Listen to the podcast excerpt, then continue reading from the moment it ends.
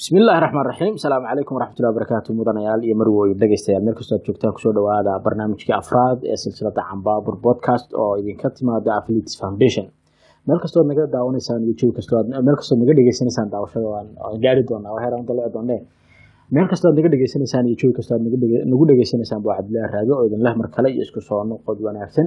Waktiga aad dhegihiina naamaahin doontaan een barnaamijkan ku falanqeyn doono mawduuca caawa ama maalintan maanta ay noo guntan qof walba xilliga uu joogaba ayuu tirsadaa. Anagu habeen baanu joognaa magaalada muqdisho oo bisha abril ay tahay sagaal iyo labaatan.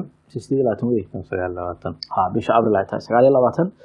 Qof walba xilliga uuna dhegeysanayo iyo saacadda uu nala socdo ayaan ku salaamaynaa. Waxaan ku soo dhaweynaynaa barnaamijkan oo aan kaga hadli doono xadaasada iyo xadaasada kadib ama modernity and post modernity carabina lagu yidhaahdo alxadaasa wama bacda alxadaasa oo aan ku falanqeyn doono fahamkaasi waxa uu xambaarsan yahay iyo maxaanku dhahdaa waxa ku fadhiyo iyo fikradaasi maxaanku dhahdaa tafaasiisheeda ama faahfaahinteeda iyo sida ku curatay iyo xaaladaasi oo dhan. Inta aanaan u gelin barnaamijkaasi ballaaran waxaan jecelahay inaan caawa iskiin baro cumar cali baashe oo barnaamijka caawa nuula falanqeyn doono mawduucani ku soo dhawo cumar cambaabur podcast iyo dhegeystayaasha cambaabur podcast aada u mahadsan tahay cabdullaahi raage sayidka.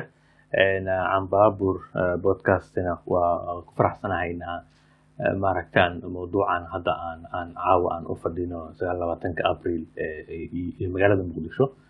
Inaan mawduucan aan maaragta si fiican ula fagurno oo aan filayo in maaragtay ay ka faa'iidaystan doonaan dhegeystayaasha meelba ay joogaan. Mawduucu waa culus yahay laakiin waxaan isku dayaynaa sida ugu maaragtay habboon ina aan u dhigdhigno oo u noqdo mid aada u fudud oo maaragtay ay ka baxsan tahay maaragtay luqadda oo aad ku adag oo maaragtay lagu yaqaano mawduucan dadka daraasay luqadda akademiga iyo luqadda mutaqafiinta alafsan luqadda khashabiga afka looxa. Afka looxan la isticmaalay wardan intaanaan u gelin mawduuca cumar cali waxa uu daraasayey dhaqaalaha iyo horumarinta dhaqaalaha ama economic development. Waxa wax ku bartay dalka soomaaliya dalka jabuuti dalka sudan. Sidoo kale waxa uu u janjeeraa ama waqti badan geliya daraasaya waxna ka qoraa cilmiga bulshada. Si guud si gaar ahaaneed arrimahan la xidhiira thaqaafada iyo fikirka iyo dhaqaalaha iyo siyaasadda guud maxaan ku dhaha mujtamaca. Cumar waxaan rabaa intaan inaan weydiiyo intaan intaynaan u gelin mawduuca cumar oo dhaqaalaha darse iyo xadaasada halkiis ka soo galeen. Niyahow arday walbe maaragtay oo cilmiga dhaqaalaha dhigtay intuu ku guda jiro waxaan is leeyahay waa cilmiga ugu badan oo maaragtay oo qofkan ereyada ah yani consumption iyo ereyga maaragtay production oo inta ugu badan ereyadaas ay ku soo noqnoqonayaan marka labadaas ereya aad waxay u yihiin laba erayo oo oo qofka ardayga ah oo maaragtay cilmiga dhaqaalaha dhiganayo dhex dhigi karo waqti loo yaqaano waqtiga oo maaragtay xadaasada. Labadaas ereya marka waxay samaysay bulshadii xadaasiga ahaa. Marka ka soomaali ahaan xaqiiqatan waxaan nool nahay xaalad oo xadaasa aan dhamaystirnayn oo aan la dhihi karo waa bulsho isticmaalayso nataa'ijtii ka soo baxday. Xadaasada laakiin aanan ahayn mujtamac xadiid ah oo ama bulsho xadiid aan ahayn. Waana waa waa si gudaha u sii gali doonaa laga wada bulsho xadiid ah marka anaga xaalad waxaan nool nahay isku keentay waxyaabihii traditionalka ahay oo sooyaalka ahayo hore iyo waxyaabihii maaragtay cusbaayo oo xadaasada ay la timaado hadday noqonayso dhaqaale hadday noqonayso maaragtay technolojiyad marka waa waa xaalad aan si oo maaragtay aan aan foorarta aan u isticmaalin oo ugu dhex jirno. Marka waxaa habboon bal inaan dib intaan u istaagno bal aan eegno waxay tahay xadaasada waxay tahay qaabkay u samaysan tahay qaabkay u samaysantay dhaqaalaha siyaasadda aragtida maaragtay ideolojiyadda iyo waxyaabaha ku hareereysan si aan bal anagana aan oo bulshada soomaaliyeed ay u noqon lahayd bulsho iyadana bal wax ku darsan karto doodaha oo adduunka hadda ka socda ee xadaasada ku saabsan. Waa war wacan weye si kale haddaan u dhigno waxaan odhan karnaa waxaan nahay eh, bulsho loo soo qafaalay xadaasada mogta ama eh, kala beerka xadaasada iyo iyo iyo- sooyaalka eh, nool saan u fahmay. Exactly. Eh, xaqiiq ahaan waxaad moodaa soomaalida in lagu sameeyo waxaan ereygan biologyga loo isticmaalo mutation. Ah- wax aan dhamaystirmin inuu maaragtay Ah, uu si si un u hormaro. Marka anagoo anagoonan eh, bulshadii oo si dabiici aan u korin oo eh, ayaa waxaa lagu dhacay waxaa dhacday marka in oo afka laga geliyo. Ama ama la soo u isticmaashaba la soo qafaalo la dhaho waxaad tihiin bulsho oo qarnigii kow iyo labaatanaad ama qarnigii labaatanaad nool oo ay ay tahayna inaa u noolaatiin si u nool yihiin dadka kale. Dadka kale oo. Qarniga iyo labaatanaad dal dhaqaale hadday tahay iyo siyaasad iyo arrimo bulsho iyo sida mujtamacu u dhisan yahay baadee tahay ereyga qafaalada waxaa ku xasuustay erey xabashi waxaa jira aada deegaankayga caan uga moogta aada masalada matalo waxaa la dhaha gidaash Mhm. marka qofka eh, eh, si xooga loogu tasarufo Eh, mataqaanaa waa la hebel waa la gidaashi Ah. ciidanka ku imanaya waxa laga odhanaya gaarigaaga dowladdu u baahan tahay soo kaxay shidaalkana ku soo shubo ina mari caskartood xaabo u soo guraysaan waa si oo waa siyaasad juubjuub iyo maaragtay iyo ah. awood sheegasho Ah. inaad ka shaqayso waxaanaad amaad ku noolaato amaad wado waxaanaad adigu rabitaankeeda ama si dabiiciya aanad ku soo gaadhin mafaahiimta aan isku qaadqaadnay maxaan kula xadaasada iyo maxaan kula soomaalida nolosha hadda ay nooshahay iyo jujuubkaasi ama gidhaashkaas waxaasoo dhan waxa gunta u fadhiyan caawa ka sheekeynayna waa xadaasada marka mafhuum ahaan fahm conceptka fahm ahaan si qofba afku wax ku akriyo si ugu fahmo concept ama mafhuum ama fahm soomaali si aan iskula jaan qaadno dhegeystayaashii labadeenuba aan isku dayno inaan tacriifino ama qeexno xadaasada xadaasay maxaa tahay ma ilbaxnima ma reer magaalnima ma casrinima iyo casriyow ma reer magaalow ba urbanization ba ma horumar ama teknolojiyadeed ba iyo waa jab- yani jab- suuradda jabaan oo kaleba eh, xadaasay maxaa tahay? Eh, ninho waxaa jiro ereyo oo u baahan in la kala saarsaaro. Ereyga koowaad waa waa ereyga magaalowga ama englishka lagu dhaho urbanization. Carabiga noqonaya taxadur yani. Eh, iyo erey kale waxaa jiro civilization oo ilbaxnimo Ah, ama xadaarad yani ereyga saddexaadna waa waxaa waaye eh, casri. eh, taxdiis yani Ah, ama modernization. Mhm. Eh, iyo erey afraad isaga waxaa jira alxadaatha ereyga xadaatha oo marka saddexda afartaas erey ayaa ah, inta badan eh, isdhex gala oo oo- oo macnayaashooda si maaragtay loo ilduufo. Mhm. Eh, haddaan ka bilaabno magaalowga ama waxaan la dhaho urbanization waa waa waa waxa weeye dhaqdhaqaaq ay bulshada samaynayso ama qeyb ka mida bulsho ay samaynayso iyadoo ay ka soo gudbayso waxa loo yaqaano rural ama reef ama baadiyaha oo ay noqonayso bulsho degan magaalo magaalo iyadoo ay muhiim aysan ahayn isbeddelka aragti ama isbeddelka ma aragtay oo ideolojiyadeed marka iyada waa waa waa waa waa waxa weye waa dhaqaaq xaalad laga gudbayo makaanka gudbaya ama qaabka loo nool yahay Ah, marka iyada waxaa muhiim ah urbanka waxaa muhiim ah marka ama magaalowga waxaa muhiim ah inay wax iska bedelaan qaab soo saarka dhaqaalaha. Okay haddii ay ahaan jirtay eh, in maaragta xoolo dhaqate aad ahayd waa ina maaragta aad u noq magaalada markaad timaadid waa ina baayac mushtar kale noqdo. Ama eh, oo maaragtay xirfad noqotid qof wax soo saaro oo gacanta ku shaqeeya aad noqotid taas waa waa shardi muhiim u ah eh, magaalowga Ah. waxaa kaloo shardiga magaalowga ka mid ah waxaa ingiriiska ku dhaho neighborhood. Yani inaad soo dhex gashid een, xaafad oo ay dad badan degan yihiin aad marka jaar ama deris badan yeelato. aad yeelatid marka. Deriskaasoo oo maaragtay eh, eh, guryahooda iyo danahooda iyo maaragtay iyo caafimaadkooda iyo nadaafadda isku xiran tahay Ah, Eh, arrinta kaloo iyadana muhiimka oo saddexaada waxay tahay magaalowga ama magaalada way ka dad badan tahay baadiyaha. saa daraaddeed marka waxaa jiraya marka xiriiryo ka baxsan xiriiryadii hore ee baadiyaha la isticmaalayay oo marka magaalo markaad timaadid nasabka iyo qaraabada muhiim ma ahan. Waxaa muhiim ah waxyaabo kalaa soo biiraya sida shaqo wadaag inaad tihiin qofkan ama ama inaad tihiin qofkan qof dana wadaag aad noqonaysid ama ina ka dhexeynayso waxyaabo gaar ah ama siyaasada ha noqoto ama ha noqoto ama deris ha noqoto oo marka danta iyo shaqadaba ayaa waxay abuurayaan xiriiryo cusub. Taas waa magaalowga.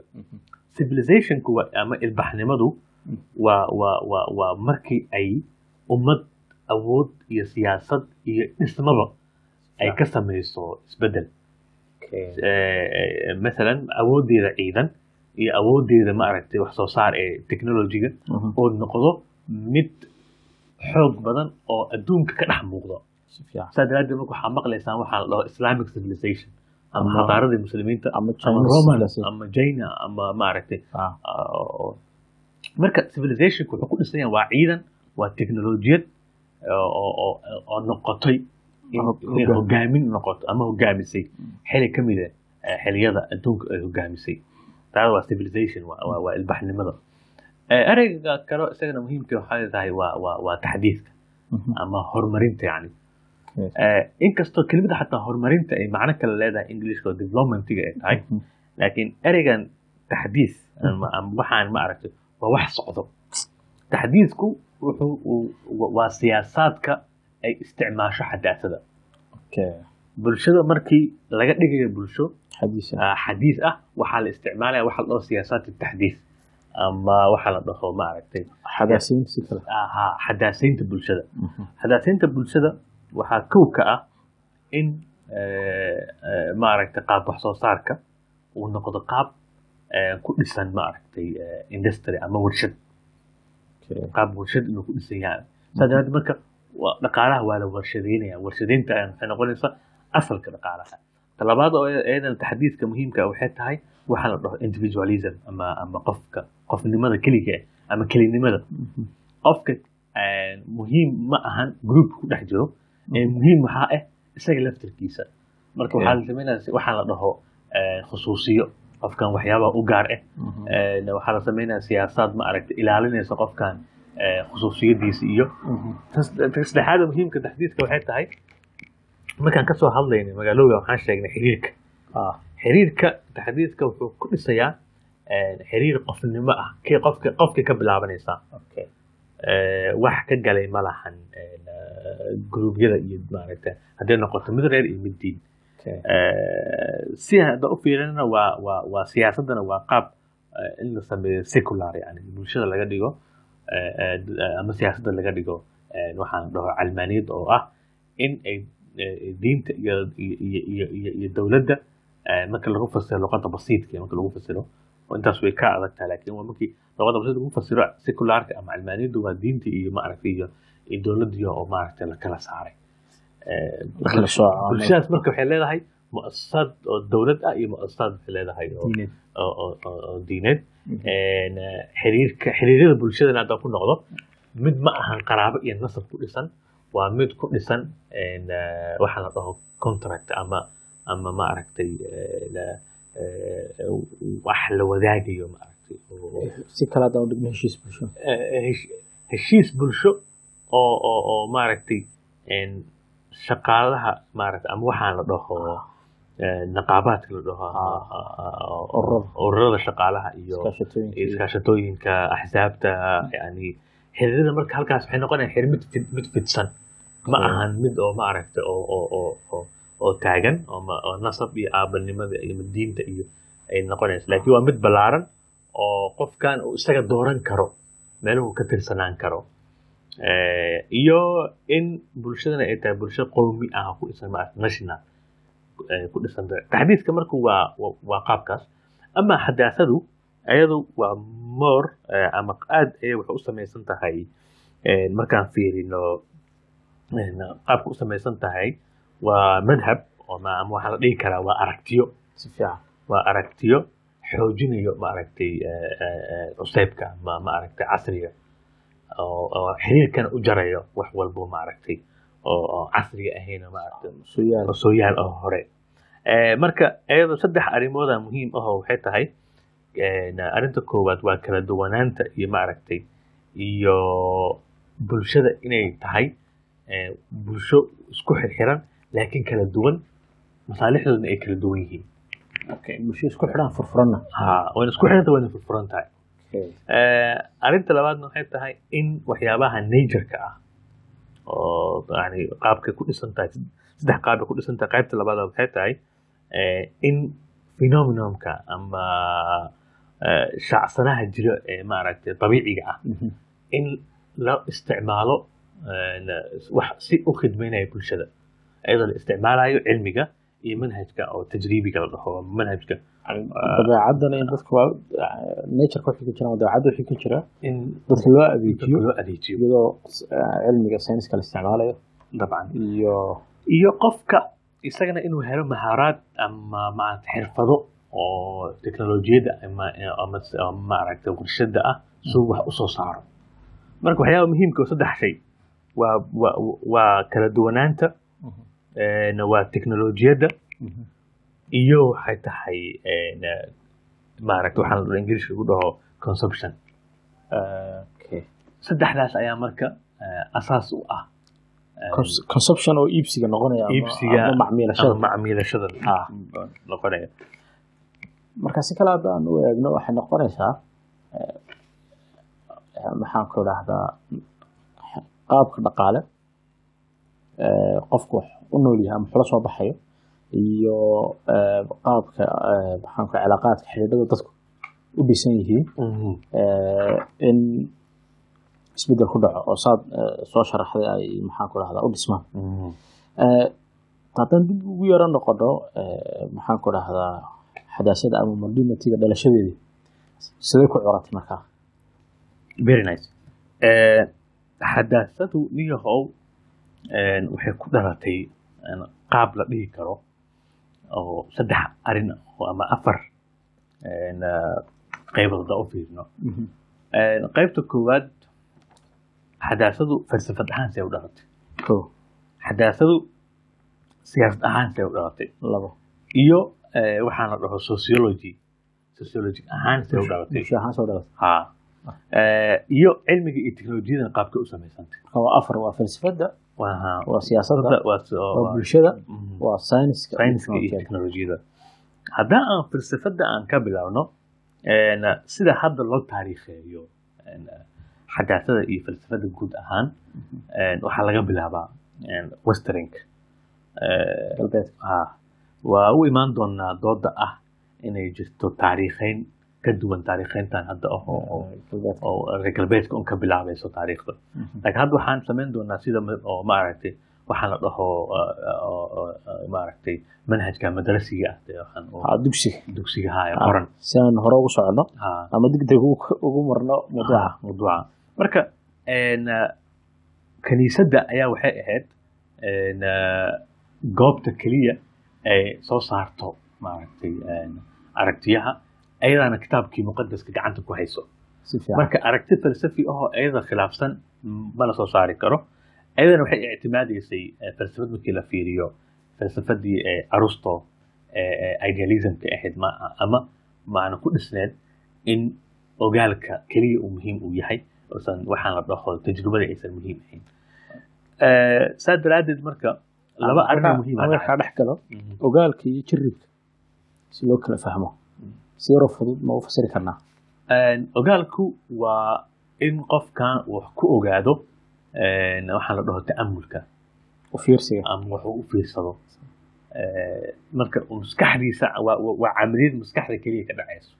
Ah. Qofkan waxaan wuu ogaaday macnaha wuxuu ku ogaaday kadib markuu maray uu maskaxdiisa ku raadiyey uu ta'amulay uu fiiriyey uu eegay maaragtay uu baaray waxaan weliba adabkii iyo maaragtay inkii oo suugaantii markii la isticmaalayo iyo falsafadii. tijaabada marka. Ah. tijaabadu laba arrinay martaa laba qaabay martaa. Qaab waa xisbiga waxaan la dhaho taabashada. Ah, ama in la taabto ama in la- arko. ama in la dhadhamin karo ama in la maqli karo. Ah, dareemayaasha. Oo oo maaragtay lixda ah inay marto. Iyo? Mise mise waa shan waaye iyo wax badan baa lix laga dhigay Ah, ah, Ah, dareemayaasha shanta inay marto. Iyo in la geliyo waxaa la dhaho laab shaybaar in la geliyo oo qaabkaas maaragtay ah, ama shaybaar ha noqoto ama ha noqoto isticmaal aalad ka baxsan shanta oo shanta dareema shanta dareema ka baxsan marka laba falsafada ku dhisan eh, idealka. Idealka iyo falsafada waxaa ah, ha tan markaa farsamada ku dhisan may ahayn eh, kaniisadu waxay ku tiirsanayd. Falsafadii aristo ee ku dhisnayd maxaan ku dhahdaa eh, ogaalka ogaalka iyo iyadaba erey kale waxaa jiro oo la dhaho metaphysics. Mhm, meta iyo physics waaye mhm. meta waa waa waxaa la isticmaalaa wax kadib kadib poste u taagan tahay Ah. ingiriiska. Ah, meta physics physicsna waa wax muuqdo oo la yaqaano oo la arki karo. Physics ah, jiritaanka physicalka ha physicalka marka metaphysics waa wax ka baxsan waxyaabaha la yaqaano la arko.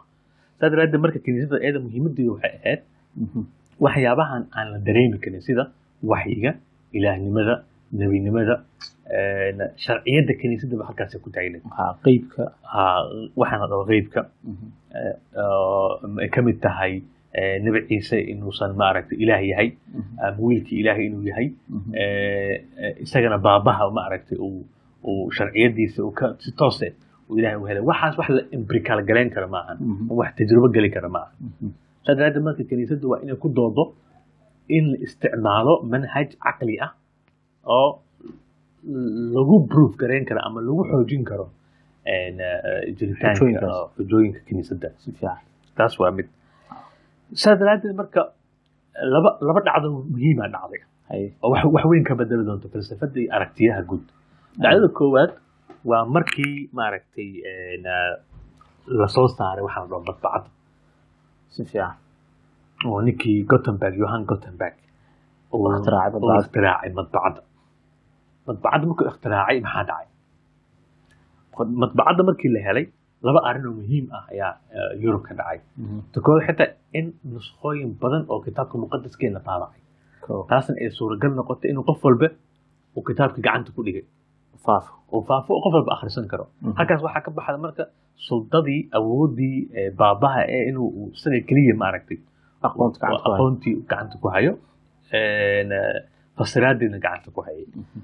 Talabaad oo iyadana samayso waxay tahay inay soo baxeen een, madaaris oo maaragtay islaaxi ah oo martin luther ninkan la dhaho ugu horreeya ahaa oo markaas waa abuurmay madhabkii prosta ay ii sheeg protestantiga ahaa protestanka ahaa Ah, madhabka protestantka martin luther king madhab oo islaaxi ah ayaa wuxuu ku doodayaa in qofka iyo ilaahay in laga dhex baxo oo baabaha isaga shaqo ku leeyahay halkaas awoodda boobka laga dhex saaro. Ah, protestantaha Mm. oo ku doodayso manhajka islaaxiga ah iyo madbacaddii ayaa waxay saamaxday in tacaaliintii maaragtay kiniisadda ay dadka wada barteen. Ay faafto. Eh, ta kale muhiimka dhacdana iyada waxay tahay een, oo markii een, waxaa la dhaho dhuxusha dhaqaajiso tamar- laga dhaliyo. maaragtay Eh, tareenkii lagu sameeyey halkaas waxaa dhacda marka in la isku gooshi kara marka. Baris ilaa london. Mhm. in la isku gooshi karo ee dadka isku socon karaan ee afkaarta isdhex mari karto. Halkaas marka waxaa ka dhalatay waxaa la dhaho een, surcada. Ama- ama degdeg degdeg in ay afkaartii maaragtay ay ay ku gudubto. Si fiican. Marka madbacadii iyo dhuxushii tamarta laga dhalinayay Ha, ha. ayaa waxay abuurtay marka in aragtiyihii ee, ee qarsoonaa Mhm. ee nimankii soo bixi doono iyagana marka dambe la dhihi doono waa waa waa tanwiir ama enlightenment. La dhihi doono oo ma tarjumaadka soomaaliga ma weli ma saldhiganin eh, dad baa iftiin ku doodada waxay ku doodaan maaragtay een, eh, inuu yahay eh, maan ii sheeg eh, ereyada badan maanka laga curiyo ereyadaas ismilihii way bixinayaan. Labada ama falsafada enlightenmentiga Mhm. oo aan u imaan doono Mhm. ayaa iyadana waxay ha caawiyay labadaas eh, ikhtilaaf labadaas dhacdo. dhacdo ayaa ah caawisay inay iyadoo- faafto. dabcad baa madbacad baa la la helay Mm. la- abuuray aqoontaa faaftay. Dhuxushaa laga laga shaqaysiiyey socodkii. Afkaartii dadku ku socodkiya ayaa kordhay labadaasa markaa waxay culays ku noqdeen ama challenge ku sameeyeen fikirkii hore ee kaniisada marka eh, labadaas waxay marka ay xambaareen in ay afkaartii eh, nimankii la dhihi jiray falsafadii oo rational ration- yani ii sheeg, Rationality-ga. rationality-ga ama caqlaaniyadda eh, ay faafto. Caqlaaniyaddu waxay ku taagan tahay een, oo ay hoggaan u yihiin eh, nimankii maaragtay Waayo. iyo ninkii kale maaragtay Voltaire oo labada Faransiis ahaayeen een, ayaa asaas u ah Descartes iyo een, falsafadooda ayaa waxay tahay in caqliga uu yahay masdarka keliya maaragtay ee macluumada la- lagu helo uu qofkan xaq u leeyahay inuu isticmaalo maskaxdiisa adeegsiga maanka marka ayaa wuxuu qofkan xor u yahay in uu ku diido ama uu ku rumaysto eh, tacaaliimtii eh, maaragtay kiniisadda. Ta kalena marka waxaa cusboonaaday oo aada loo cusboonaysiiyey oo weliba Descartes uu ka shaqeynaya waxay tahay in qofkan loo fasaxo waxaan la xoriyat tafkiir. Eh, xor uu u yahay qofkan inuu fekero fekerkaas xorta ah iyo manhajka falsafiga ah ee caqliga ku dhisan ayaa wuxuu uu halis gelinayaa eh, uu doodana ku furayaa maaragtay jiritaankii kiniisadda. Si fiican. Oo marka laga soo tego suldadeeda siyaasadda suldada falsafiga ee ku dhisantaha waxaa kow ka ah een, suldada baabaha ee awoodda uu ka helayo maaragtay eh, ilaahay qofka markii ay la furo mashruucan rationality la furo maxaa caddaynaya marka in aa- baabaha inuu ilaahay si toos ula xiriiro? Su'aashaas eh, kiniisadda marka waxay ku noqonaysaa in ay la challenge garayo aad isla markaas Descartes iyo Voltaire eh, waxaa xoojin xoojiyey eh, isagana kun lix boqol iyo labaatankii eh, la daabacay buuggii la dhahay the new organon oo Francis Bacon uu qoray. Mhm. oo isagana wax weyn ka bedelay oo aad u critical gareeyay aad u naqdiyay aan dhehe Mhm. eh, logicgii maaragtay Aristo. Logica Aristo ee la dhahayay formal logic ama logigan suuradda ah oo waxyaabaha wax walba waxaa lagu gartaa waxay ka soo horjeedo. Eh, isma khilaaf laba qado wada socdaan isma jari karaan Man- noocaas mantiqii arastiga mantiqi Aristotle oo laho formal logic lo.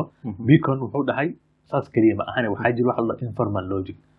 oo ah dee luqadda marka luqad la hadlayo ama la doodayo waxaa la dhaho muqaaladaadka yani oo oo hoosgelidka iyo maaragtay iyo isburinta iyo qofkan mawduuc inuu kaa saaro kale oo ama mawduucyo aan islehayn isku rakibo. Ama waxaan iska dhalanayn iska ratibo. Ha biko marka wuxuu soo biiriy doodaas Mhm. iyadana marka looga faa'iidaysan doono teknolojiyadda. Haddii aan hore u sii socono intaas waxaan maraynaa curashadii xadaasadii falsafiga. falsafigaan maraynaa. Mhm. waxaa soo cusboonaaday madhab la dhaho humanism. Madhabka humanismka oo xadaasada saldhigu ah. Mhm. wuxuu ku doodayaa Mhm. cagsiga eh, doodii christianityga. Dooda christianityga waxay tahay insaanku wuxuu ka dhashay khatiicadii nebi aadam. Waana dembiile oo mar walba u baahan in la la ilaaliyo la dabagalo lana nadiifiyo. Ha oo suldada baabahana asaaskeedu ah inuu mar walba qofkan laga warhayo dembi dhaafna uu iibsado madhabka insaanawiga ah ama humanismka ah wuxuu ku doodayaa insaanka qiimaha kama helo ma aragtay diin kama helana ma aragtay qowmiyad ee sidiisu ayuu qiimo u leeyahay. Saa daraaddeed insaanku isagaa wuxuu u yahay adduunka santar u ah. Isaga xarunta ah. Isagaa xarunta ah. Wax walbana marka waa in ay isaga u adeegaan ay diinta xataa ay ka mid tahay halkaas marka waxaa dhacday insaanka in laga soo dhaqaajiyo dambiile oo ma aragtay oo ku dhashayba khata iyo nebi aadan oo mar walba u baahan in dambi dhaaf iibsado ma aragtay mar walbana ma aragtay la hago iyo inuu noqdo hal mar inuu noqdo ma aragtay xarunta isaga wax xaruntii iyo santarkii inuu noqdo wax walba u ama ahmiyaddu isagu iska iska keelo iska keeneen. Ah. labadaasi madhab caqlaaniyadda iyo insaan iyo insaaniyada waa falsafad ahaan waa bilowgii fiican dhinaca kale waxaa jira haddaan boodno Eh, laba dhacdo iyadana oo sayniska iyo fikirka sayniska ah si fiican eh, intayna saameyn u yeelay. sayniska u gelin waa bunaynaysaa mise sha biyaha ku shubaa? Ah, ah, Mm. aniga laftarkeyga u baahanaya dhegeysto marka xumaaya ciyaartina dhegeysanaysa oo idii shugi lahayno inaan idin soo gaarsiinayn horta ku soco markaa eh, afartii rukun ee curashada xadaasada rukniga labaadaan maraynaa Waa- cilmiga labaad. Sayniska. Waa cilmi oo sayniska teknolojiyadda soo socota. Laba dhacda isagana wahayd baa tiri. Kaniisaddu waxay aaminsaneed eh, dhulka inuu yahay eh, santarka ma aragtay adduunka. adduunka. Ama waxaan loo koonka inuu santar u yahay oo nadaliyad cilmi oo ay adeegsan jireen laho laho aragtidii Batlimos theory. Okay. Batlimos ayaa keenay aragtidaas. Marka nin waxaa soo baxay eh, la dhaho eh, Copernicus. Eh, ayaa wuxuu keenay maya dhulka ma ahane. Qoraxda ayaa waxay tahay xarunta. Xarunta maaragtay eh, koonka oo gebi isla soo wada maraan. Dhacdadaasi ayaa waxay aada u gelgishay een, doodii kiniisadda ee sayniska. Markaan dhehayna way gelgishay. Macnaheedu waxay tahay doodaha kiniisaddu aragtiyo keliya ma ahane ee way diimaysan yihiin. Oo kitaabka muqadaskay ku qoran yihiin. Marka haddii ara- aragtidaas la buriyo waxaa dhaawac weyn loo geystay sharciyaddii maaragtay diinta. Doodii hadday jabto. Ha ciddii dooda ayuu dhaawacu gaaraya. Si fiican. Saa daraaddeed marka eh, kuma dhiiranin copernicus waxaa ka daba qaaday oo dabcan inuu ku dhiirado galileo. Aad galileo dhibaato badan oo maray adiga kadib wuxuu noqday wuxuu uu ka noqday waana waana waana maaragtay een, uu isdhiibay si fiican. Marka taas waxay qodobka koowaad ee iska bedelay eh, ama dooda ku timiday aragtidii sayniska la xidhiidhay ee kiniisaddu ay qabtay. Waa oo ah inuu dhulku maaha xarunta adduunka waa waa qorax qoraxda. Laba haddaan uga socno. Waxaa arrinta kale iyadana oo sayniska ahoo isbeddelka weynku ku dhacay waa isku tagga xisaabta mathematicska iyo sayniska. Si fiican. Halkaas ay ka dhalan doonto waxaana dhaho physics-ka. Si fiican. Newton waa marka isxaaq newton wuxuu dhabarka ka jebiyey manhajkii ogaalka keliya ku dhisnaa ee maskaxeed ee fiican wuxuu uu xaqiijiyey isxaaq newton in aqoontu iyo cilmiga lagu heli karo markii la maro manhajkan la dhaho empiricismka ama manhajka tajrubada wixii la jiribo ha oo uu soo saaray maaragtay eh, maaragtay dhul ii sheeg awoodda oo maaragtay graffitiga ah iyo iyo buuggiisii maaragtay eh, marka xisa- taas marka waxay keentay in ayagan ay isticmaalaan intay buugga ka soo ee, ee, Francis Bacon oo new organon. Ayaa wuxuu sababay in revolution sayniska uu ka dhaco oo kiniisadii marka laga hoos baxo ta saddexaad oo kale marka hadda u gudbo sayniska marka laga soo tago baan ku fikiraynay Mhm. ama aan, maxaan ku rahdaa ka hadalnay oo afartii qodob ee uu uu- uu gogol xaadhay inay curato xadaasadu qodobka hore falsafadu ahaa qodobka labaadna wuxuu ahaa eh, cilmiga iyo sayniska Ah, eh, si gooniya u gudub qodobka eh, sociologiga bulshada haddii aan ah, ah, sii socono ah, qodobka kale oo muhiimka waxay tahay waa siyaasadda. Siyaasadda ka horreysiinaya eh, bulshada. bulshada okay. Waxaan eh, kiniisadda ay ka soo baxday dagaal oo muddo socday. Eh, dagaalkaasoo maaragtay u ah, imbraadoriyadii roomaanka iyo almaaniyadii hore oo siddeetan sano siddeetan sano oo socday heshiiskaasoo la dhaho heshiiskii westavalia heshiiska westavalia marka waxaa ka dhashay waxaan la dhaho qowmiyaadka inay soo baxaan nationalka qowmiyaadka soo bixitaankooda ayaa wuxuu abuuray marka awoodihii kaniisada inay furfurmaan oo iyadoo catholic la yahay laakiin qowmiyadihii ay sii kala galayaan eh, wadamo kale. Iyadoo protestanta la yahay ya, eh, la kala galayo ma aragtay qowmi- iyadoo orthodox la yahay haddana laakiin qowmiyaad kale laga tirsan yahay. Taa marka waxay keentay marka in oo laga furfurmo. Heshiiskii westavalia ayaa asaas u ah marka oo eh, soo bixitaankii maarata dowladda qowmiga ahayd Eh, arrinta kalena muhiimka waxay tahay halkaas wax ka soo dhex baxay mikavili waa xilliga ay curanaysay dowladda dowladda xadiiska ah. Mikavili ka soo baxay oo la dhihi karo waa aabaha aasaasay maaragtay eh, culumta siyaasiga ee maaragtay ee modernitiga ah iyo waxaan la dhaho markii dambe sii socon doonta fiican. In dowladihii qowmi noqdeen imbraadoriyadihii maaragtay ay ay gacmahooda ka baxeen kiniisadii ay boqoro noqdeen Eh, ha ugu dambe markii ha ugu xoog badnaado eh, napoleon bonaparte Eh, taas marka waxay keentay in oo kiniisadii gacanteeda ka sii baxdo wixii. Xadaasada siyaasadda marka maxay ku dhisan tahay? Xadaasada siyaasadda waxay ku dhisan tahay doodan la dhaho human nature.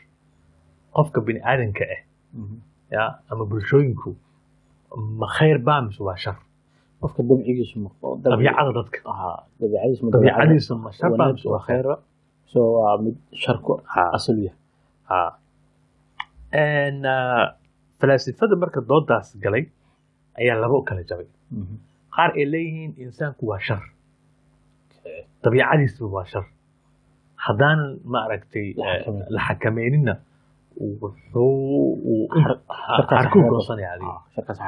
marka sultada siyaasiga ah Mhm. waa in ay xakameysaa eh, dadkaas.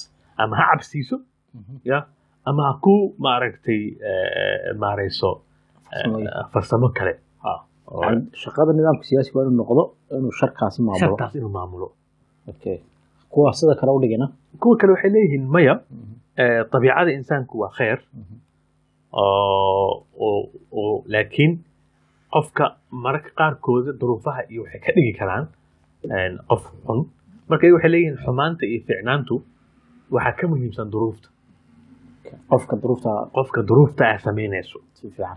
Labadaas aragtiyo ayaa waxaa ka kala dhashay inta badan aragtiyaha oo siyaasadeed ee kow ka tahay waxaan la dhaho heshiis bulsho. Ah, dadkan aan fiicnayn. Ama fiican. Ya muhiimadda waxaa ima wax isku haya in la fiican waa inay meel iskugu imaadaan ay ka tanaasulaan and, uh, awoodahoodii iyo iyo maaragtay- xorriyadooda badh iyo xorriyadooda ka tanaasulaan ee xaggaas lagu sameeyo dowladda dowladda lagu sameeyo. Waa aragtidii uh, khayrka aragti kale eedan waxaa jira uu ka soo baxdo la dhaho aragtidii montesquieu. Oo in la kala qaado awoodaha waxaan montesquieu waxay ka duuleysaa eh, dadkan in ay maaragtay si khaldan u isticmaalayaan awoodda si loo kala ilaaliyo marka waa in la kala saaro awoodaha. Waa tan ay ka dhalatay saddexda saddexda laamooyo dowladda. Ha la kala saaraya saa daraaddeed marka rosso iyo montesquieu ee kala saaridda awoodda iyo heshiiska bulsho ayaa center waxay u tahay eh, waxaan la dhaho eh, political modernity. Xadaasada siyaasadeed. Marka political modernityga qaabkaas gudahaas waxaa jiro aragti oo ayadana xagga ka imaanayso theologiga ama laahuudkii eh, kiniisadda ka imaanaya waxay ka soo haray dowladdu haddii ay la wareegtay awooddii waxay u baahan tahay sharciyad oo waxay rabtay ay ku samayso ee u dhaqaanta sidii ma aragtay oo kiniisadoo kale waxaa jira marka waxaa xoogeystay dooda la dhaho marka sovereigntyga. Halkaas waxaa imaanaysa dooda sovereignty. Dooda sovereigntyga ayaa waxay tahay eh, dowladdu bisif- bisifadeeda eh, shakhsiyadeed in ay xaq u leedahay wax walbe oo khatar ku ah jiritaankeeda ya in ay ka hortegi karto wax walbana u isticmaali karto. Dooda siyaadada. Yani inta ay dhulka ay ka taliso dadka ay u taliso iyadaa u madax banaan ayada u madax banaan waxay rabto ku samaynayso Ah. hadday khatar dareentana Ah. waxay rabto isticmaali karto dowlad ahaan hadday khatar dareen Ah. waa waa Mhm. oo asaas u ah iyadana uh, waxaan la dhaho adowla alqowmiya ama Mhm. ama Nation state. nation state marka nation statekii iyo aragtidii kala saaridda awoodaha iyo heshiiskii bulsho ee waxay abuureen waxaa la dhaho modern state dowladda casriga oo cagaha dhigatay maaragtay uh, qarnigii sagaal iyo tobanaad. Marka waa waxay ku dhisan tahay eh, bulsho. laga soo dhex baxay. Heshiis bulsho eh, siyaadada iyo kala saaridda awoodaha waa xagga waxaan filaa inay saldhigatay xadaasada siyaasad ahaan. Xadaasadu bulsho ahaanna waxay samaysay isbedelo waaweyn. Waxaan ka soo qaadanaynaa een, isbeddelka ugu weynaa. Kiniisaddu waxay maamuleysay bulsho dhulgoosisa ah waxaa la dhaho feudalism yani dadkan oo aristocraciga ah inay haystaan dhul waaweyn. loogu shaqeeyo. Loogu shaqeeyo. Dadka u shaqeeyana maaragtay cunto iyo maaragtay noloshooda. Nolosha ka siiya. Nolosha ka siiya ayagana ay qaataan. Dhulka dhulkay wax soo saaran Ah, ay leeyihiin. Kiniisadda iyo boqorkana ay ay maaragtay canshuurta ay qaybsadaan qaabkaas ayaa waxaa ku dhacay u gelgishay oo waxaa ku furmay markii la sameeyey saan kuu sheegay madbacaddii iyo iyo tamartii iyo markay xoogeysteen ayaa waxaa soo baxay waxaan dhaho industry warshad. Warshad. Warshaddii ma noqonin in laga guuray dhulkii oo warshado la samaystee ee waxa isbedelay qaab dhismeedkii bulshada. Si fiican bulshadii ayaa waxay noqotay saddex dabaqadood. Waa marka hore laba dabaqa keliya ahaa dabaqadan aristocraciga ah oo shaqaalaha dhulka haysata iyo dabaqada u shaqeysa ayaa keliya. Marka warshadeyntia waxay abuurtay waxa la dhaho marka dabaqa okay. Oo barjuwazi la dhaho. Ah. Dabaqada barjuwaziga waa dabaqo warshadeynta ka abuurmatay oo magaalada degan oo maamul iyo ma aragtay iyo aqoon iyo ku shaqeyso. Ah, xirfad iyo aqoon iyo waxaas ku shaqeysa ku shaqeysa isbeddelka noocaas ah ayaa wuxuu abuuray marka in magaalooyinkii in ay, ballaartaan dadkii magaalooyinka soo galaan xiriiradii bulshada isbedelaan een, ma aragtay ay, xoogeystaan ma aragtay eh, fikirkii iyo falsafadii ay xoogeysatay. Waayo markii bulshada dhaqaalaheeda uu fiicnaaday oo dabaqada dhexe dabaqada dhexe marka shaqada u badan ay qabanaysa waxay ahayd inay sameyso inay aqoon soo saarto. Si fiican. Marka xaggaas waxaa soo baxay marka nadari- ma- nadariyaadkii bulsho ee maaragtay waxaa la dhihi jiray maaragtay adam smith oo ka soo baxay halkaas. Dhaqaalaha. Ah, oo xa- dhaqaalaha ahaa. Karl marx oo dhaqaalaha ahaa. Nimankii ingiriiska ahaa ee eegana maaragtay socialistiga ahaa ee ee eegana soo saaray waxaa la dhaho socia- eh, socialism. Mhm. waxaa kobcay marka halkaas.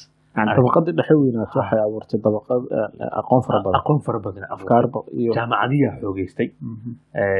wax marka waxaa dhashay la dhaho ingiliiska lagu dhaho public spare public spareku marku waa jaamacadaha waa maqaayadaha waa waa iskuulka waa goob walba dadka iskugu imaanayaan ay ka doodayaan ah, ah, ah, danahooda gaarka ah. Ama danta guud danta guud ma odhan karnaa masaaxad saaxadda guud sa- saaxadda guud waa suuragal public spare waa- saaxad yani waa meesha oo dadka wada dhexeyso saaxadda looga hadlo arrimahaas marka bulshadii industrializationka ku dhacay Warshadoodii. Laba arina marka caan noqotay kow waxaa noqday in wax soo saarkii uu kabcay haddii oo ma aragtay markii hore oo feudalismka ama systemkii ma aragtay ka horreeya brid industriga ahaa uu soo saari jiray ma aragtay tiro oo waxaa dhacda tiro laba laab ama tiro saddex laab inay soo saarto. Wax soo saarkaa kobcay. Uh, waxaa loo baahnaada marka shaqaalo badan. Waa isbeddelka labaad. Shaqaalo badanaa loo baahnaaday waxaa loo baahnaaday beerihii in wax laga soo qaado la warshadeeyo xirfadaa loo baahnaaday halkaas marka waxaa kobcay baahida shaqaalaha loo qabo iyo baahida xirfada loo qabo. Labadaas marwada kabaa Ah, ayaa labadaasa kobcay oo marka ay soo baxayaan marka culumtan ma aragtay oo managementiga iyo maaragtay iyo businesska iyo iyo haa culumta ka soo baxayaan. Een, waana waxaana xoogeystanay isla markaasna waxaan la dhaho sleefka adoonsiga haa in shaqaalo badan oo xoog loo baahnaado Mm. in la soo adoonsado weliba weliba yani dowladahaas oo maaragtay u baahnaaday in shaqaalo badan la geliyo Mhm.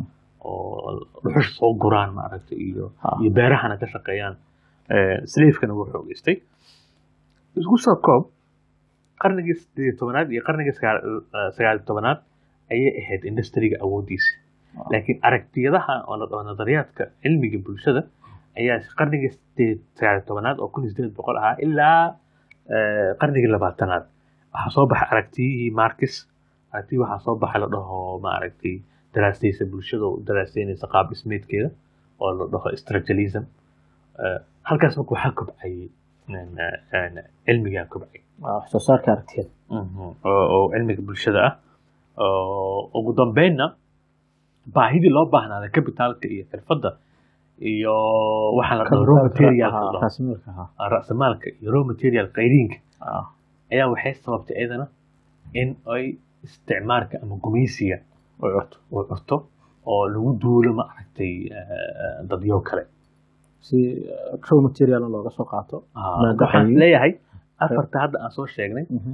dhowr shan boqol oo sano. Inaa isku dayna bal inaa ma aragtay si loo taariikheeyo. Saacad ku soo koobno. Wallaahi shaqo culus weeye Eh, waxay curashadii falsafadeed iyo curashadii dhaqaale iyo eh, bulsheed oo dhaqaalu qeyb ka yahay iyo curashadii siyaasadeed iyo curashadii technology iyo saynis ee xadaasada ayaan eh, soo qaadan dhignay oo soo kala saarsaartay. Ka horna xadaasadu maxay tahay intaynaan gelin waxaad ka bilowday eh, xiriirka xadaasada iyo ka dhexeeya reer magaalnimada ama magaalowga ama eh, maxaan ku idhaahdaa eh, sheeg casriyowga iyo waxyaabaha noocaas. Waxaan jecelahay inaan qeybta dambe ee barnaamijka xalqadda labaada aan kaga doodno ma bacda alxadaasa ama postmodernismka.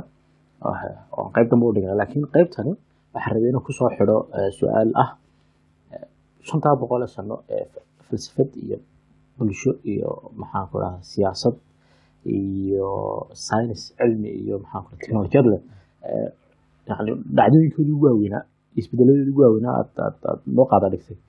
Waxaa ku soo gabagaboodeen ama dhinac ka mida yani ka dhashay ee tooska ahaa ahaa ee gumeysiga saad sheegtay. Oo eh, maxaan ku dhahdaa eh, shaacsano kale oo goonidiisa loo darso laakiin xaaladaasi ay dhashay ahayd in yar waqti yaroo kooban inta ka hadha xalqadan oo daqiiqada ah.